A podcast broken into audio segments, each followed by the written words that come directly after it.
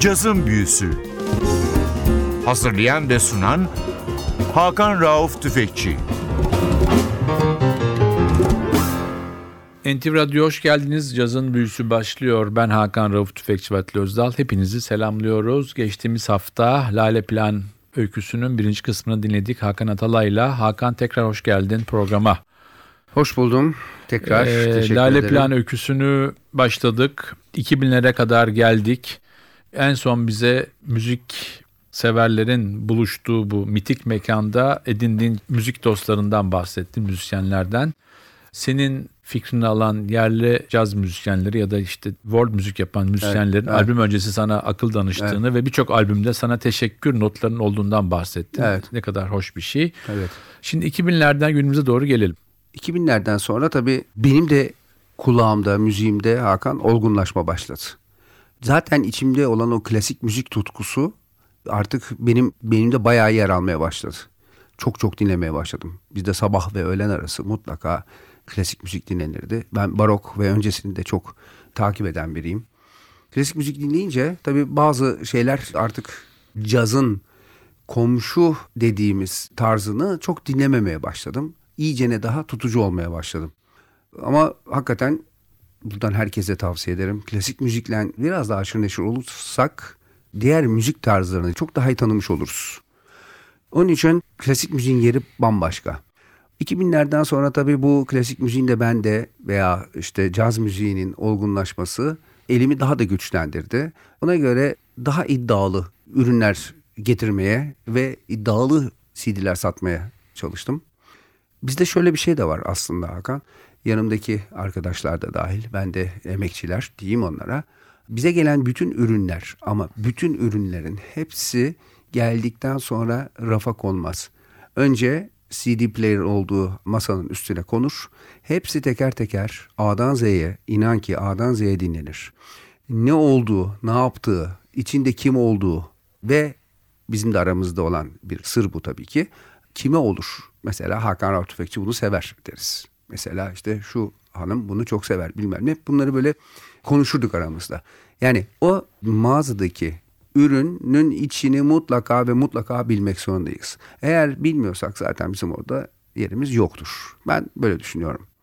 Geçen haftadan kalan yine bu imzalı CD'lerden istersen devam edelim. Bu Fransız trompetçi Stefano Belmondo'nun Wonderland albümünde hatırlatayım yine tekrar dinleyicilere, NTV dinleyicilerine. Steve Wonder parçalarını yorumluyordu hatırlarsanız. Şimdi de Visions adlı parçayı ben size dinleteceğim. Stefano Belmondo Música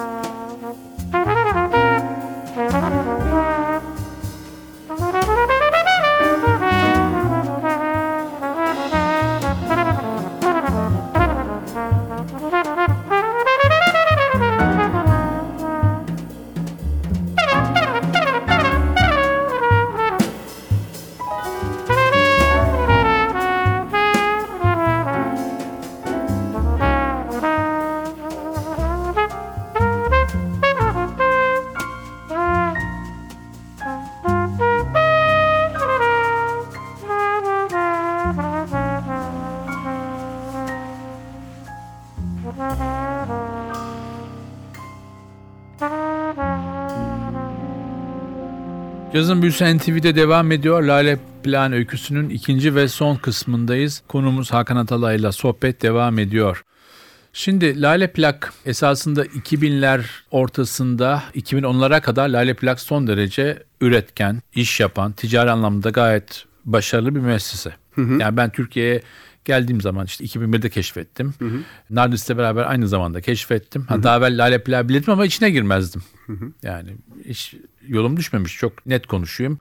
Yurt dışında yaşıyordum. Bütün ihtiyacımı oradan karşılıyordum zaten ama Evet. Türkiye'de döndükten sonra işte değişmez adresim orası oldu. İşte seni tanıdım. E tabii. Ama benim gözlemlerim 2010'lara hatta 2014'e 12 13'e kadar yani İstanbul'da bir takım sıkıntılar olana kadar ekonomik anlamda işte bir terör saldırıları oldu. Beyoğlu'nun çehresi bu olaydan sonra değişti. Şu oldu bu oldu. Bir sıkıntı yoktu yani. Her şey mutluydu. Dükkan olarak da, Doğrudur. caz dünyası Doğrudur. olarak da. Ama Doğrudur. sonra zaten bütün dünyadaki kriz Çok bir de buraya Global, evet, global kriz Kesinlikle. artı Türkiye'deki o maalesef acı terör olayları yüzünden Evet, evet. caddenin yani İstiklal Caddesi'nin demografisi değişti. Çok değişti evet. Yani tabii bizim kapanma sebebimizin özel olduğunu açıklamalıyım. Nedenlerini başka bir zaman konuşuruz. Ama tabii ki bu bahsettiğimiz unsurlar da yer alıyor. İşte bu müzik endüstrisinin dijitalleşmesi, bahsettiğin gibi Türkiye'nin, İstanbul'un hatta göbeğinin, Beyoğlu'nun ve bizim oraların çok şekilde rol değişmesi. Gelen Avrupalı turistlerin azalması. Hoş tabii bu onlarda da aynı problem var senin söylediğin gibi. Artık eskisi gibi gidip gelmiyorlardı.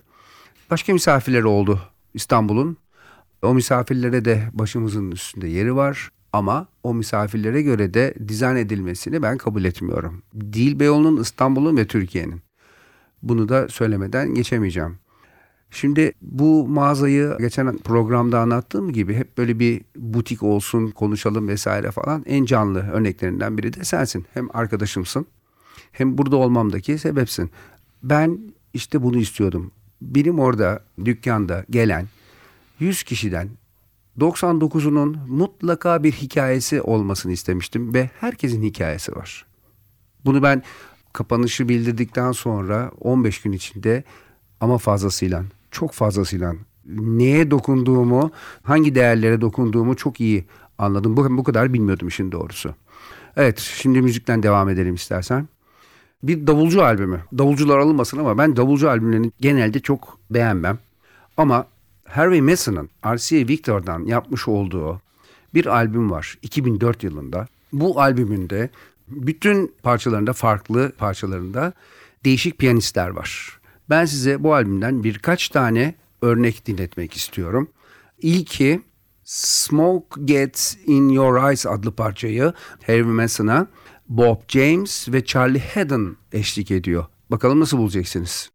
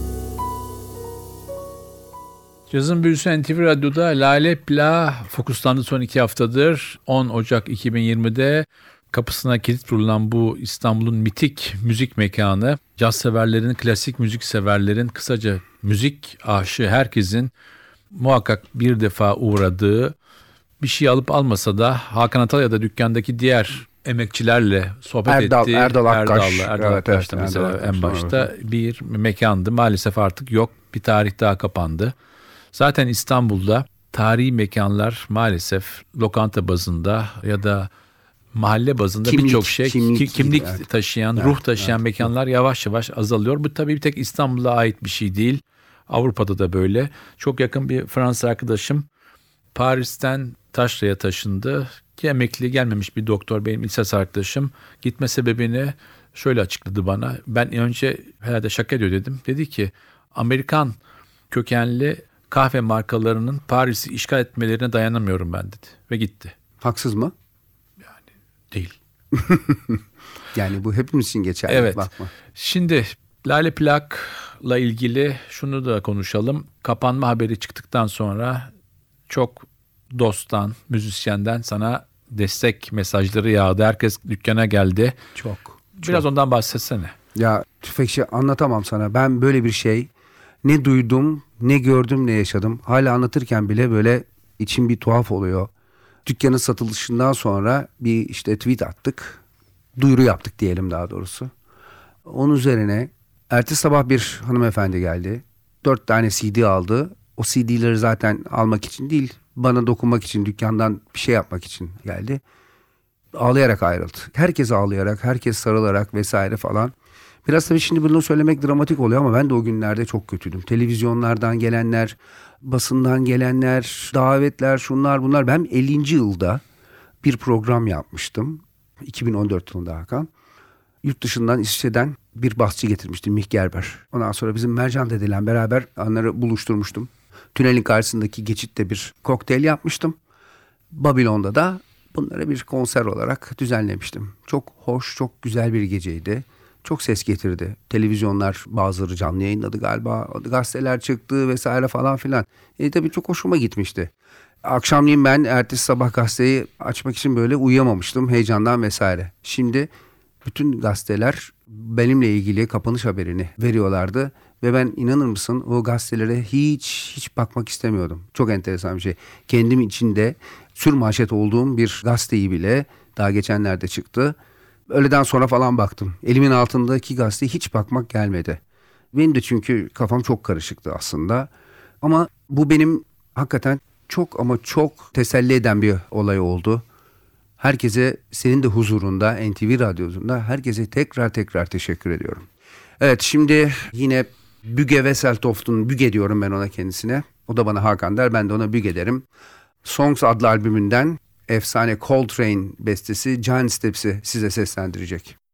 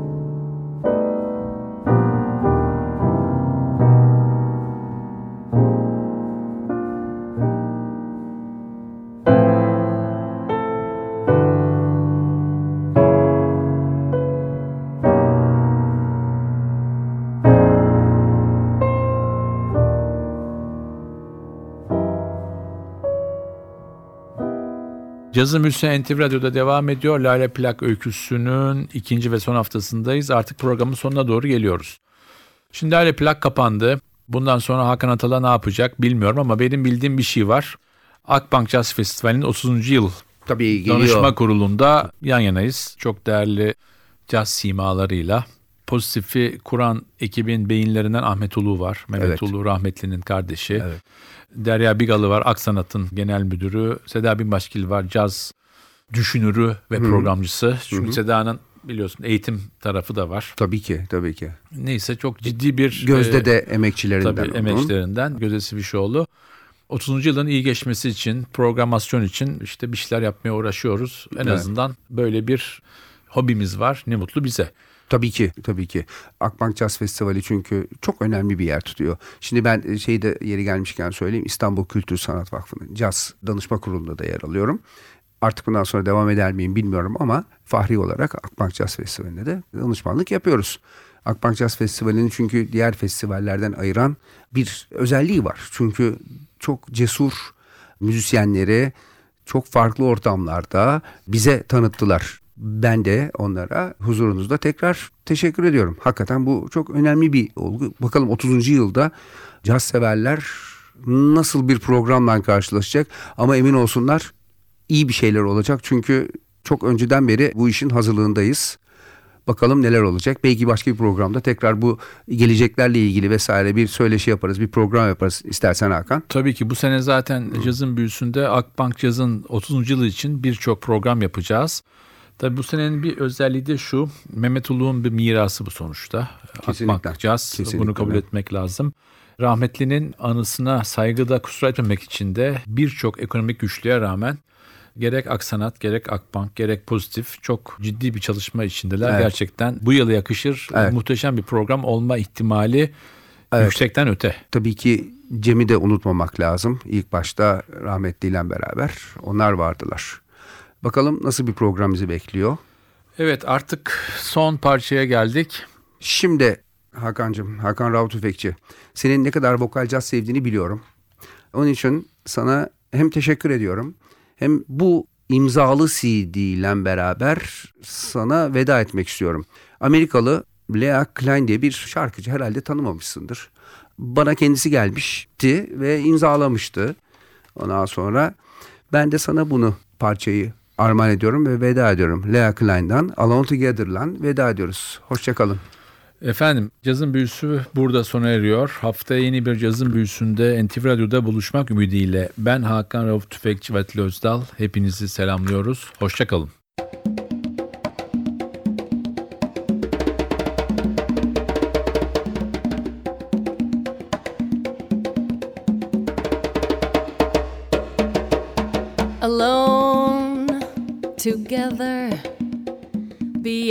Crowd. We're in this world and we're not too proud, for we're together. There's nothing to fear together, alone together. The blinding rain a starlit night. We're not